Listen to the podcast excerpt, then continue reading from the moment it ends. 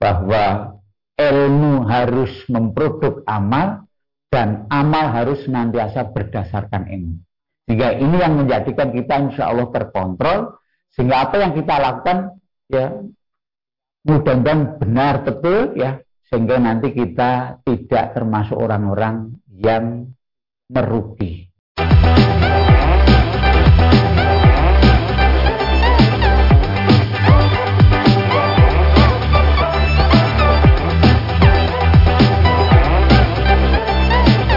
Bismillahirrahmanirrahim. Assalamualaikum warahmatullahi wabarakatuh.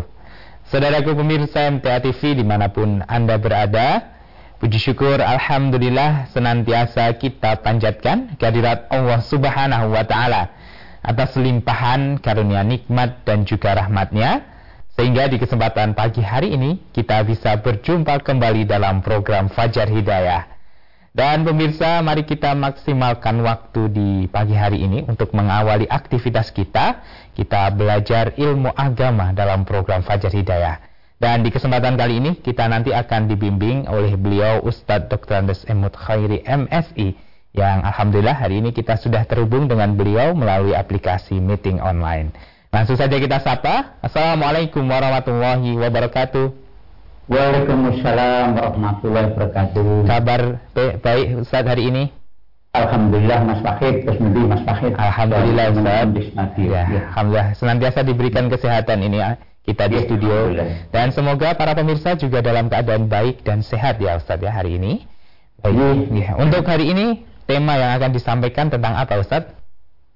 Uh, masih melanjutkan uh, tema kita yang kemarin yaitu meraih kebahagiaan ya. Cuma hari ini kita via wasilah tazkiyatul khob dan amal soleh. Via tazkiyatul khob dan amal soleh ya Ustaz ya. Yes, yes. Di kesempatan pagi hari ini kita juga akan berikan waktunya untuk para pemirsa yang akan bertanya. Silahkan menghubungi kami di 0271 6793000 atau melalui SMS dan WA di 0811 2553000. Baik, untuk mengawali, kita dengarkan lebih dahulu mukadimah dari Ustadz Emot Khairi MSI. Silahkan Ustadz. Assalamualaikum warahmatullahi wabarakatuh. Hamdan wa syukran lillah amma ba'd. Rabbis rohli sodri wa yasirli amri wa hlubdata min lisani yaqwahu kholi amma ba'd. Bapak Ibu dan saudara sekalian, pemirsa kajian Fajar yang insya Allah dimuliakan Allah. Alhamdulillah, ya. dengan izin dan nikmat Allah, kita masih diberi nikmat yang luar biasa besarnya, yaitu nikmat kesempatan. Ya. Maka dengan nikmat kesempatan ini, ya, Allah memberikan suatu kemampuan kemauan, kemudian eh, kecerdasan, kesehatan dan seterusnya, ya. sehingga kita di pagi yang cerah ini kita bisa bertemu pada forum yang insya Allah mulia ini ya untuk kita mengkaji bersama, saling memberi ya eh, terkait dengan keilmuan agama kita dan pengalaman-pengamalan Eh, pengalaman dalam bentuk pengamalan e, keseharian kita. Bapak Ibu dan sekalian yang insya dimuliakan Allah, kita melanjutkan bahasan kita bagaimana kita meraih kebahagiaan hidup.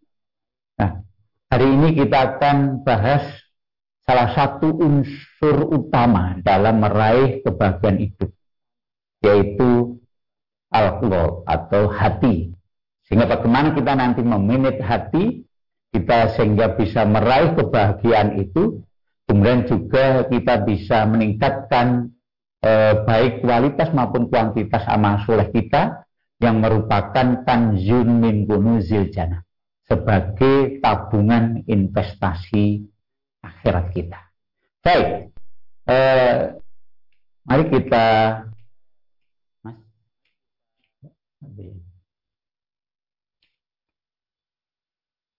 Yang pertama, saya selalu mengajak pada uh, Anda sekalian untuk melakukan muhasabah.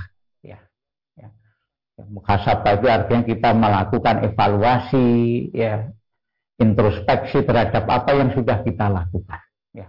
Terkait dengan kebahagiaan yang sudah kita bahas dua eh, edisi yang awal itu, ya, kita definisikan. Jadi salah satu atau beberapa ulama ya menerjemahkan yang namanya eh, asyaidah atau kebahagiaan itu adalah suatu kondisi seseorang ya yang merasa tercukupi kebutuhannya dan merasa terpenuhi target hidupnya. Jadi ada dua ya. Maka di situ ada halati sahsul ladhi yaskuru bi an ahtiyajatihi tata kofu ya wa ana ahdabu hayatihi tata haklo. Jadi ada dua di sini. Ya. Yang pertama perhatikan bahwa kata ahtiya jatihi ya, tata kofu. Jadi merasa tercukupi kebutuhan dunianya. Ya. Kemudian di samping itu bahwa kata bahagia itu merujuk adanya ahbafu hayatihi tata hakkohu yaitu merasa terpenuhi target hidupnya ya yang putih ini nah gitu. Maka ada dua nanti bagaimana kita membahas uh, tentang kebutuhan kita yang sudah kita rasakan bahwa itu cukup semua kebutuhan hidup kita merasa kita rasakan sesuatu yang cukup terpenuhi pada hidup kita. Kemudian nanti kita lihat ahdabul hayati yaitu eh, target hidup dari kita. Nanti kita juga merasa tercukupi. Baik, mari kita coba seperti apa ya. Bapak Ibu dan sekalian, ya. Yang tadi kita bahas yang pertama adalah nanti kita bahas takrif atau definisi sudah tadi ya bahwa kebahagiaan adalah suatu kondisi ya, seseorang yang merasa tercukupi ya kebutuhannya dan merasa terpenuhi target hidupnya. Ya. Kemudian nanti unsur-unsur dari kebahagiaan itu apa? Kemudian nanti apa pengertian kebutuhan yang harus eh, kita cukupi dalam kehidupan dunia ini, kemudian apa itu target hidup kita, kemudian bagaimana kita memanage eh, hati ini sehingga hati ini nanti betul-betul powerful, artinya dikdoyo ya, mampu untuk memanage organ tubuh. Nah kita tunjukkan bahwa hati nanti ada sebagai uh, manajer dan pemimpin organ tubuh kita. Kemudian yang terakhir nanti kita bagaimana kita menentukan strategi sehingga apa yang kita targetkan itu betul-betul terrealisir. Ya. Baik, yang pertama kata kebutuhan. Ya. Nah, kebutuhan yang pokok yang harus kita penuhi adalah ilmu yang terkait dengan dinullah ya dan tentunya nanti ilmu e, pengetahuan. Ya. Ilmu harus ada nanti ya. Ini ya. Keilmuan nanti namanya e, sesuatu yang harus kita pahami. Karena bagaimana mungkin kita bisa merasakan kebahagiaan kalau kita tidak mengetahui apa itu takrif kebahagiaan. Kemudian nanti ada kebutuhan pokok, kemudian nanti bagaimana kebutuhan yang harus Eh, kita realisasikan ini betul-betul sesuai dengan kaidah Islam. Ya. Dengan target yang harus kita realisasikan adalah bagaimana kita merealisasikan diri kita sebagai seorang hamba yang terbaik, ahsanul ibad. Ya. Kemudian ya, saya sampaikan juga bagaimana ekspresi ya antara realisasi ekspresi senang dan ekspresi bahagia. Nanti kita akan coba bahas secara singkat bahwa ekspresi senang itu ekspresi yang diekspresikan oleh organ tubuh kita dan condong dominan adalah organ tubuh dohir kita. Ya. Kemudian kalau bahagia itu sudah akan direalisasikan oleh eh, organ tubuh kita dan dominan adalah batin kita. Artinya eh, ekspresi senang itu eh, lebih bersifat dohir, kemudian kalau bahagia itu bersifat. Baik, kebutuhan yang harus kita kita penuhi yang pertama adalah keilmuan, ini selalu kita eh, bahas ya Bapak Ibu dan sekalian, keilmuan atau ilmu ini bahasanya adalah wajib ada di awal. Ya. ya. Beberapa waktu lalu kita bahas juga bahwa seorang mukmin, seorang mukminat dalam meminit aktivitas hidupnya senantiasa diawali dengan ala ilmi, berdasarkan ilmu. Ya. Nah, berdasarkan ilmu ini Kemudian kita bisa memahami, kita bisa meyakini apa itu makna ya e, kebahagiaan, apa itu nanti makna kebutuhan pokok kita ya. Kemudian kita bisa merealisasikan ya, secara benar dengan hati kita akan mantap karena kita melakukan sesuatu yang sesuai ya tentunya akan memberikan ketenangan dan akhirnya kita akan memperoleh suatu balasan dari Allah dan itu betul-betul bahasa Jawanya itu netes. Ya, pahala itu betul-betul netes. Ya. Ini didasarkan ilmu. Nah, sehingga nanti prinsip yang nanti kita selalu ya, tanamkan pada diri kita ya. Yang pertama adalah al ilmu amaliyatin wal amalu ilmiah bahwa ilmu harus memproduk amal dan amal harus senantiasa berdasarkan ilmu. Sehingga ini yang menjadikan kita insya Allah terkontrol sehingga apa yang kita lakukan ya mudah-mudahan benar betul ya sehingga nanti kita tidak termasuk orang-orang yang merugi. Ya. Kita ingatkan satu ayat yang sering kita bahas yaitu surat Al-Kahfi surat 18 ayat 103 104 ya. A'udzubillahi minasyaitonirrajim Limunafi'ukum bil asyarina a'mala alladzina dola sa'ihum fil hayati dunya wa hum yahsabuna annahum yuhsinuna sun'a. Maukah aku tunjukkan tentang kondisi orang-orang yang paling merugi dalam kehidupan di dunianya, yaitu orang-orang yang tersesat ya, dalam kehidupannya, tetapi mereka meyakini bahwa mereka telah melakukan sesuatu yang benar, yang baik. Maka inilah ya yang harus kita senantiasa kontrol, senantiasa kita perhatikan terkait dengan keilmuan kita apalagi nanti ya terkait dengan ibadah. Ya, karena ibadah ala aslu fil ibadah lang kata yakuda dalil akhir. Al aslu fil ibadati al itiba. Jadi urusan ibadah betul-betul harus ada dalil perintahnya. La ta'fu ma laisa laka bihi ilmun inna sam'a wal basara wal fu'ada kullu Ulaika kana anhum mas'ula. Setiap apa yang nanti kita lakukan, baik itu melalui pendengaran, melalui e, penglihatan, atau melalui perasaan yaitu hati, semua nanti akan dimintai pertanggungjawab. Maka, sekalian, kebutuhan yang awal adalah kebutuhan ilmu, ya, baik itu ilmu agama maupun ilmu pengetahuan. Nah, sehingga dari sini nanti terkait dengan kebutuhan pokok kita, ya, maka kita nanti akan senantiasa menjaga bahwa apa yang kita butuhkan, baik itu dari makan, minum, dan seterusnya, kita akan senantiasa syaratkan halalan toyiban. Ya.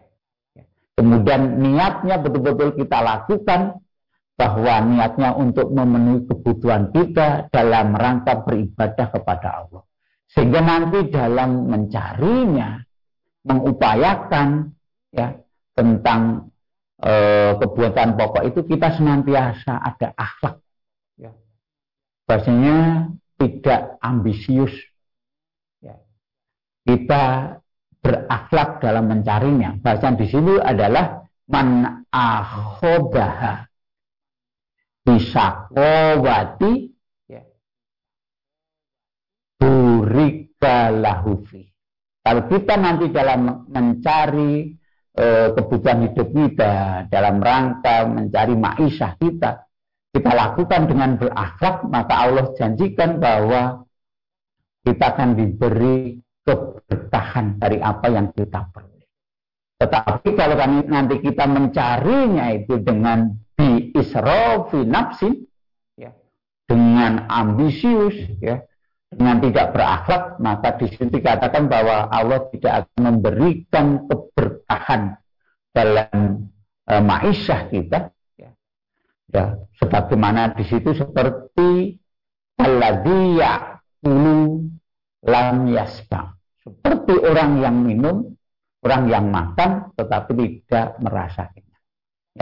Maka silahkan nanti Bapak Ibu di buka sendiri di surat kedua ayat 168 ya ya Yohanes di situ itu masih di situ secara umum Hai sekalian manusia ya makanlah ya dari apa yang diturunkan di bumi ini dengan syarat halalan toyib.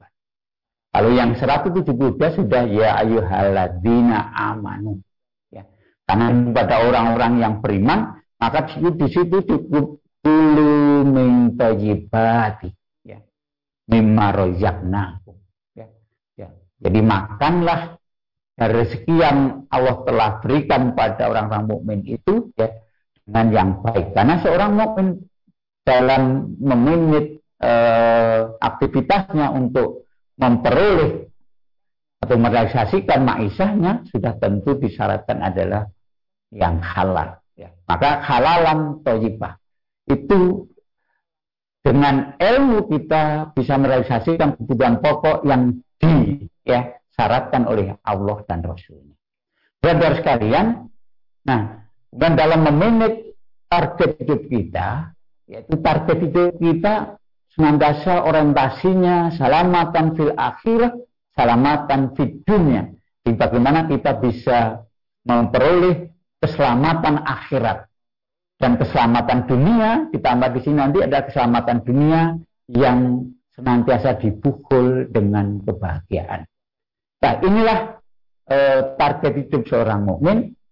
Nah dalam mensikapi apa itu hidup maka seorang mukmin senantiasa ya, berprinsip laisal gina atas rotil art walakinal gina gina Hakikat kaya Mungkin sebelumnya ada hakikat hidup. Ya, seorang mukmin akan mengatakan is ya, laisal is ya, illa aisul akhirat. Tidak ada kehidupan kecuali kehidupan akhirat. Artinya bagaimana nanti meminit dunia itu sebagai sarana ya untuk bisa meraih kesuksesan di akhir. Dunia dijadikan sebagai ladang untuk mempersiapkan bekal ya yang dipersiapkan untuk kehidupan yang hakiki yaitu kehidupan akhirat. Ya. Bapak Ibu dan saudara sekalian yang insya Allah dimuliakan Allah, ya. mari eh, secara umum ini yang sudah kita pelajari kemarin, ya, ini ya, bahwa untuk meraih kebahagiaan hidup harus dengan ilmu yang benar, ketenangan, kebutuhan, kemuliaan itulah yang harus kita realisasikan.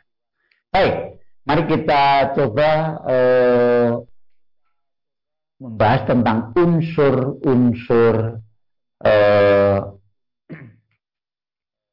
dari kebahagiaan. Ya. Nah, target tadi yang kita karena sebagai asanul ibad itu ya nanti kita realisasikan dalam bentuk prestasi amaliyah di dunia kita ya dengan eh, strategi yang kemarin bagaimana kita senantiasa sensitif terhadap amal dan sensitif terhadap dosa.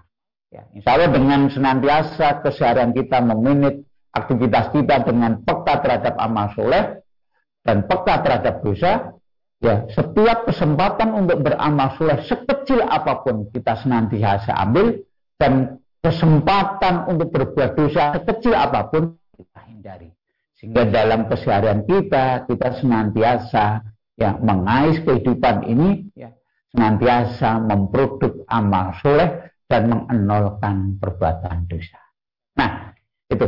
Kemudian bagaimana kita merealisasikan eh, target-target hidup kita sekarang yang tadi saya sampaikan ada kebutuhan pokok ada target sebagai asanul ibad dan ekspresi kita ketahui bahwa semua itu ya.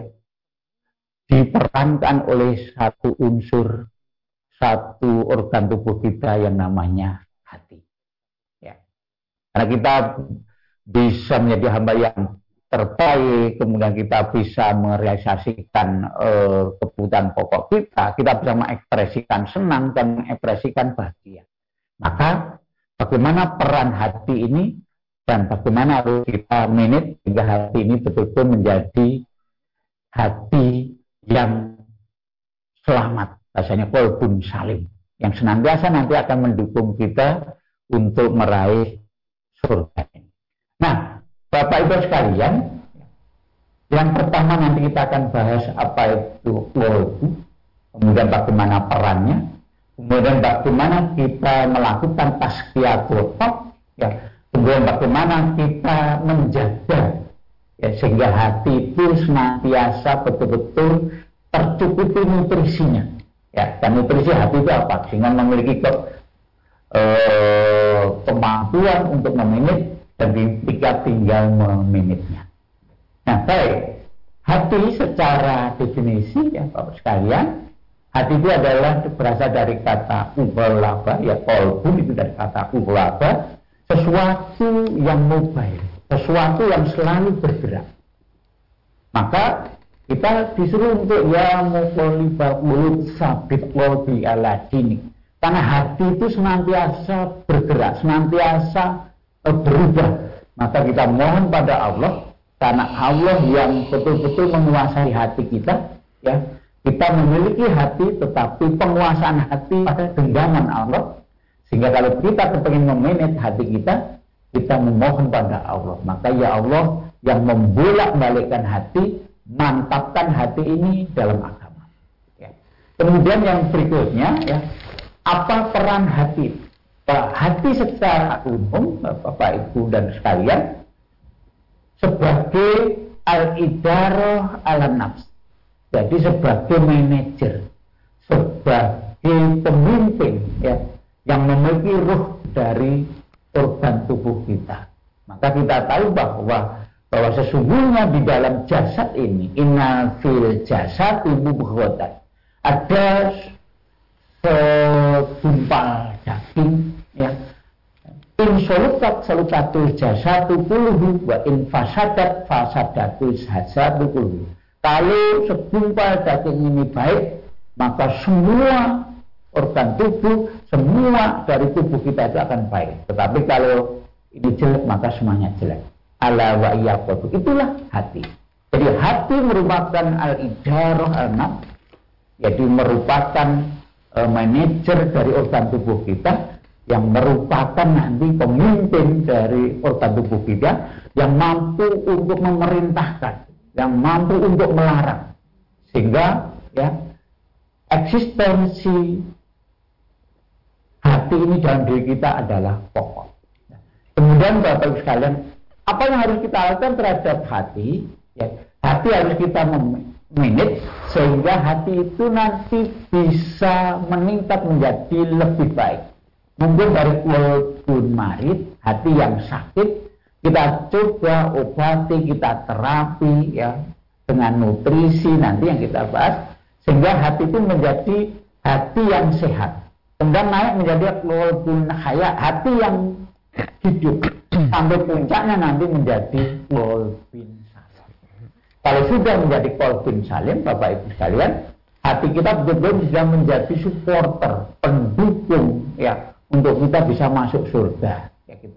Maka dikatakan bahwa pada suatu hari nanti ya tidak bermanfaat ya segalanya ya kecuali kita datang sowan pada Allah dengan bin salim. Ya dengan hati yang selamat. Ya. Hati selamat itu apa? Bapak Ibu sekalian sebentar saya tambah sedikit ya, ya. E, hati yang selamat itu adalah salah e, satu ayat menyebutkan ciri-ciri. Ya.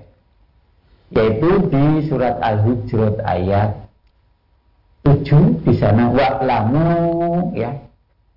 Anafikum rasulullah la yuti'ukum fi kasir minal amri la'anitum walakinna allaha habbaba ilakumul iman. Wa zayyana fi wa karaha ilakumul kufra wal fusuqa wal isyan nah di situ dikatakan nanti suatu hati yang salim hati yang selamat itu yang pertama ya, dicintakan kepada amal soleh. Ya. Habbaba ilakumul iman. Dicintakan kepada amal soleh. Ya.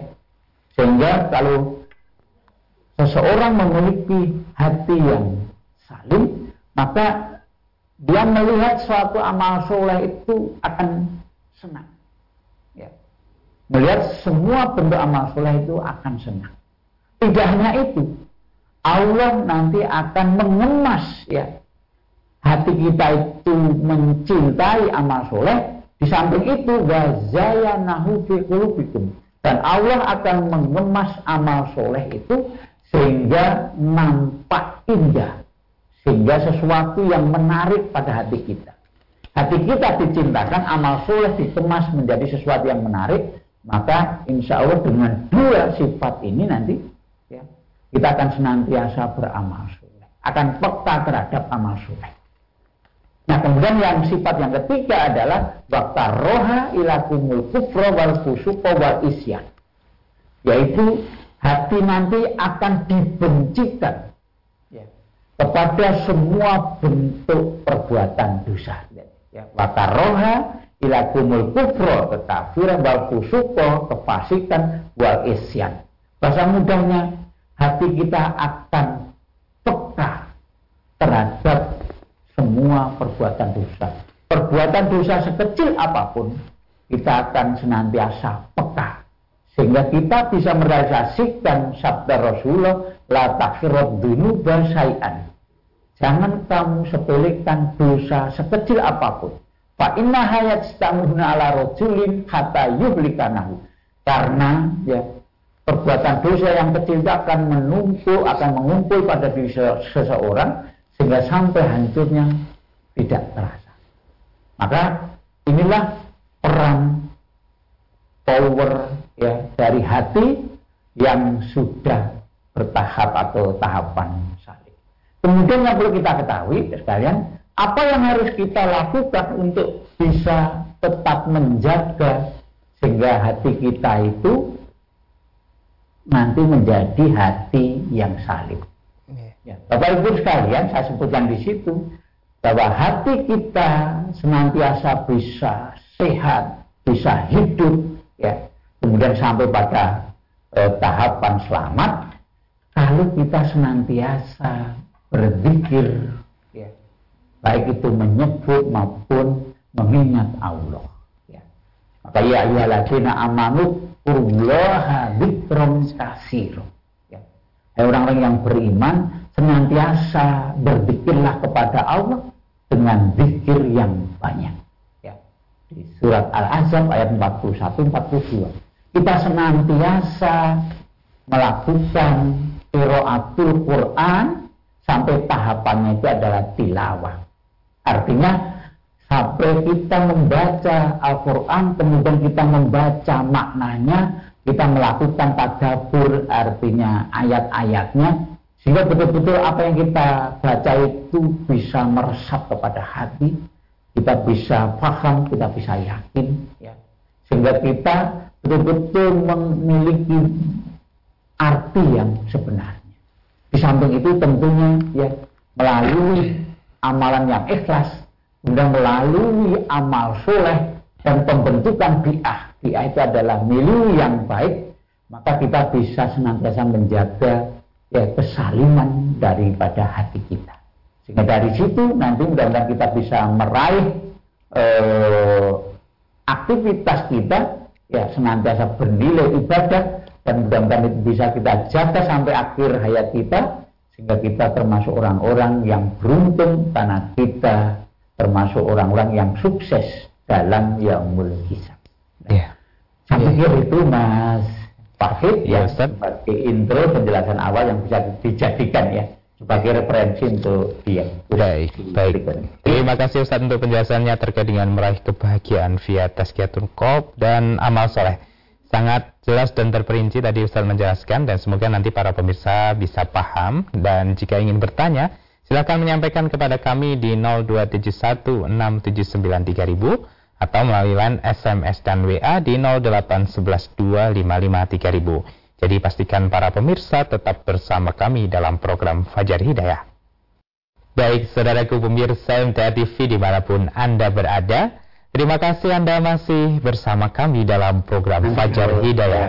Dan di pagi hari ini kita masih bersama dengan beliau Ustadz Dr. Andes Emut Khairi, yang mempersilahkan juga para pemirsa jika akan bertanya, silahkan bisa menghubungi kami di 0271 679 3000 atau di line SMS dan WA di 0811 255 3000. Baik Ustadz, kita akan bacakan pertanyaan pertama dari pesan WhatsApp yang sudah masuk. Ini ada dari Pak Jasman di Semarang. Iya, Pertanyaannya, orang munafik sholat jamaah yang paling berat adalah isya dan subuh.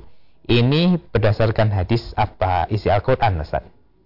Uh, iya, jadi Pak Jasman di Semarang, mudah-mudahan hari ini sehat walafiat. Iya. Ya, yang namanya orang munafik itu ya tidak hanya sholat subuh dan sholat isya ya, ya. itu yang berat. Jadi orang munafik itu ya memiliki sifat lah kayak gitu ya. Ketika dia melakukan sholat ya, itu dilakukan dengan malas. Ya, idza qamu illa sholati ya qamu kusala. Apabila dia mendirikan sholat, melaksanakan sholat, maka dia lakukan dengan malas. Bahasanya sebenarnya tidak kepingin sholat, bahasanya gitu. Ya, baik itu menunda-nunda atau kemudian prosesi pelaksanaannya juga tidak e, optimal ya memang seperti itu tetapi ketika dia e, melakukan sholat dan ada seseorang yang bahasanya untuk dipameri ah ini saya sampaikan e, ayatnya ini dia surat An-Nisa ayat 142 itu menjelaskan ya karakter dari seorang munafik itu Nah orang munafik itu ya. Yang pertama bahwa innal munafikina yukhadi'una Allah wa huwa khatimukum. Ya. Orang munafik itu ya mereka kepingin ya untuk menipu Allah. Karena mereka berhasil menipu orang-orang mukmin, artinya gitu, ya. Dengan perilakunya yang kalau ketemu orang mukmin merasa seperti orang mukmin, ya polu aman, tetapi waida kholau ila him wolu ya inama nahnu mustahziun. Artinya ketika bersama Rasulullah orang-orang munafik itu ya berperilaku sebagai seorang mukmin. Tapi ketika kembali pada golongan mereka ya yang mengatakan sebenarnya saya e, berkumpul dengan orang-orang mukmin itu hanya memperolok saja Nah, jadi mereka kepingin menipu Allah dengan perilaku yang tersembunyi. Ya, tetapi bahwa khodimu bahasa Jawa dia kecil, mereka kecil, karena Allah maha tahu. Ya. Allah mengetahui ya, apa yang dilahirkan maupun apa yang disimpan dalam hatinya sehingga ya apa yang diniatkan oleh orang munafik untuk mengelabui orang mukmin itu sudah dibersani oleh Allah. Kemudian berikutnya wa iza qamu illa sholati dan apabila mereka melakukan atau mengerjakan ya atau mendirikan sholat, maka dia lakukan dengan malas. Ya. Uga-ugaan bahasanya gitu. Ya. Nah, kemudian mereka melakukan sholat tadi sebenarnya atau melakukan sholat atau ibadah yang lain itu dia lakukan atau mereka lakukan dengan niat ria pamer kepada minta pujiannya nanti kepada manusia. Maka di situ ya. Mereka meriakkan amal sholatnya di situ ya kepada manusia. Nah, seharusnya seorang yang melakukan atau mendirikan sholat itu adalah melakukan dikron kasir, ya, ingat pada Allah dengan banyak maka karena orang munafik itu melakukan sholat dengan malas ya, dengan ugah-ugahan itu, maka dikatakan ya mereka tidak berzikir pada Allah ya dengan zikir yang banyak, tetapi mereka hanya berzikir sedikit saja. Ya itulah orang munafik. Pak Jasman bahwa orang munafik sekali lagi pada semua sholat itu mereka melakukannya dengan malas. Ya. Sehingga mari kita berusaha ya, untuk menghindari karakter orang munafik ini ya sehingga ketika kita mendengar seruan azan ya. maka kita betul-betul mempersiapkan. Bahasanya kita sudah menunggu karena pada sholat itu nanti kita bisa curhat kepada Allah. Kita bisa meminta, memohon pada Allah ya, tentang sesuatu. Maka mari kita persiapkan sholat kita dengan baik sehingga sholat kita betul-betul berkualitas, bisa khusyuk betul, nah, gitu.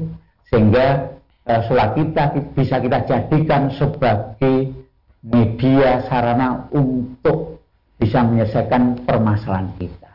Kita akan disuruh untuk eh, eh, apa istilah ini bisobri wasolah ya.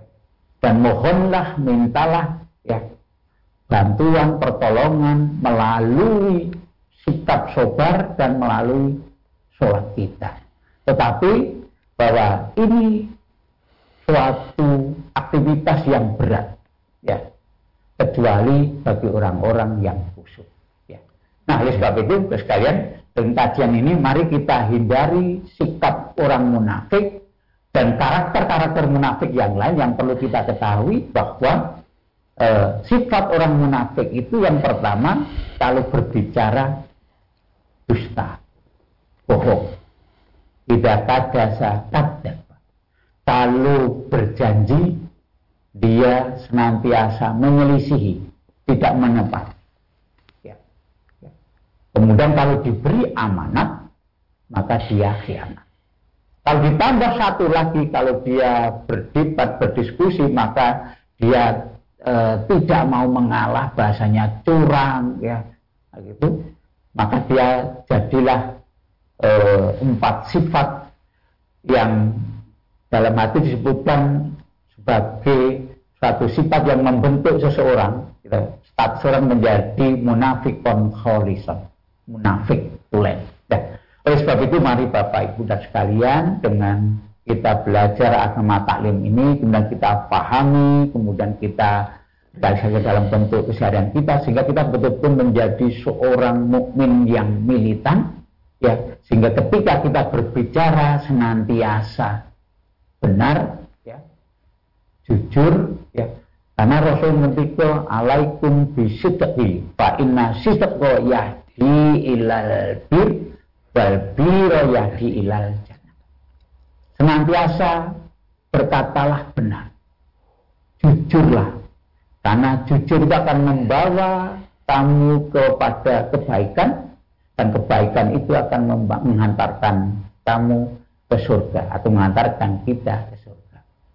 Wa alaikum wal wa iyakum wal hindari per, uh, ucapan dusta. Fa innal kadhiba yahdi ilal fujur wal fujur yahdi ilan Karena berkata dusta itu akan membawa kita kepada ya, perbuatan dosa dan perbuatan dosa itu akan menghantarkan seseorang ke neraka. Ya. Maka ini yang harus maka nanti setiap ucapan yang keluar dari lisan kita ya hendaklah nanti sebagai seorang mukmin yang betul itu tidak hanya sekedar benar tapi bagaimana kita bisa memproduk lisan kita memproduk lisan laulan ya sotikon ucapan yang benar kemudian laulan makrufan apa yang kita kita ucapkan yang benar itu kita ucapkan secara baik. Bahasa Jawa nanti ngomongnya benar tur benar. Ya. Kita bisa mengucapkan berkata pada siapa pun kita lihat kepada siapa kita berbicara sehingga kita bisa menempatkan posisi kita ya sehingga kita bisa mengucapkan atau berkata-kata atau berbicara dengan baik dan benar. Ingat laulan mubalighun ucapan yang menyasar, to the point, menyasar. Di samping itu laulan sakilan, ucapan yang berbobot. Yang terakhir adalah laulan maksurun, ucapan yang membekas. Ya. Maka mari kita realisasikan ini Bapak Ibu sekalian dari produk lisan kita senantiasa ucapan yang benar, ucapan yang baik, ucapan yang to the point, ya, ucapan yang menyasar, ucapan yang berbobot dan ucapan yang membekas. Ya. Sehingga kita betul-betul menjadi orang yang insya Allah nanti betul-betul menjadi orang yang terhormat karena apa yang kita keluarkan betul-betul ucapan yang berbobot. Ya saya pikir itu ya. uh, Mas Wahid. Ya demikian untuk Pak Jasman ya di Semarang. Semoga ya. bisa dipahami penjelasan dari Ustadz Emut Khairi terkait dengan pertanyaan dari Pak Jasman. Dan ya. tidak terasa Ustadz ternyata kebersamaan kita sudah hmm. harus diakhiri. Barangkali sebagai terakhir ada kesimpulan dan closing statement untuk para pemirsa dua menit Ustadz silahkan. Oke. Bapak Ibu dan sekalian, ya, bahwa hati kita sebagai organ tubuh yang utama. Ya. Karena dari hati itu nanti kita bisa dijadikan sebagai barometer. Kalau hati kita baik, in soluhat, solukatul jasadukul, maka seluruh organ tubuh kita akan baik. Kalau hati kita tidak baik, maka karena hati ini sebagai manajer, sebagai pemimpin dari organ tubuh kita, maka hati akan memerintahkan kepada hal-hal yang tidak baik. Gitu, ya.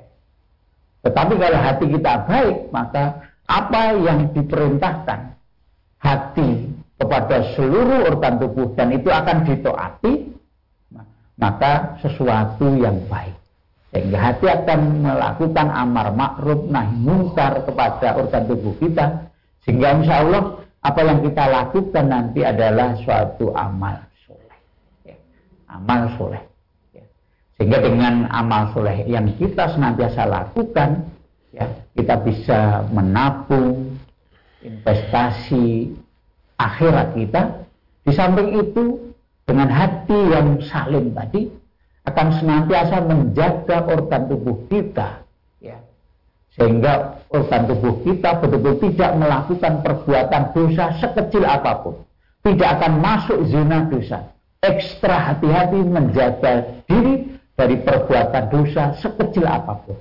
Sehingga insya Allah dengan hati yang salim ini kita senantiasa aktivitas keseharian kita senantiasa bernilai nanti kebenaran bernilai ibadah, nah, dan bernilai dakwah. Sehingga kita termasuk orang-orang yang beruntung dan termasuk orang-orang yang bisa berbahagia dalam kehidupan sehari-hari. Mudah-mudahan apa yang kita kaji pada pagi hari ini betul-betul bisa kita pahami, bisa kita realisasikan dalam uh, amalia sehari-hari, sehingga kita senantiasa tambah ilmu, tambah uh, amal, tambah pahala, dan kita termasuk orang-orang yang Kurang lebihnya mohon maaf. Assalamualaikum warahmatullahi wabarakatuh. Waalaikumsalam warahmatullahi wabarakatuh. Baik, terima kasih Ustadz Dr. Andes Semut Khairi MSI untuk tausiah dan nasihatnya di kesempatan pagi hari ini. Semoga nanti di lain waktu kita bisa berjumpa kembali. Dan ya. pemirsa MTA TV di mana pun Anda berada, demikian untuk program Fajar Hidayah. kita sudahi sampai ini dan kami mengucapkan terima kasih untuk partisipasi dari para pemirsa dan mohon maaf apabila ada pertanyaan yang belum sempat kami bacakan. Serta jangan lupa untuk selalu menjaga kondisi kesehatan kita supaya tetap sehat, tetap prima sehingga dalam menjalankan aktivitas dan ibadahnya bisa maksimal. Akhirnya, saya Wahid Arifuddin pamit undur diri. Alhamdulillahirabbil alamin. Subhanakallahumma wa bihamdika ilaha illa anta astaghfiruka wa atubu ilaik. Wassalamualaikum warahmatullahi wabarakatuh.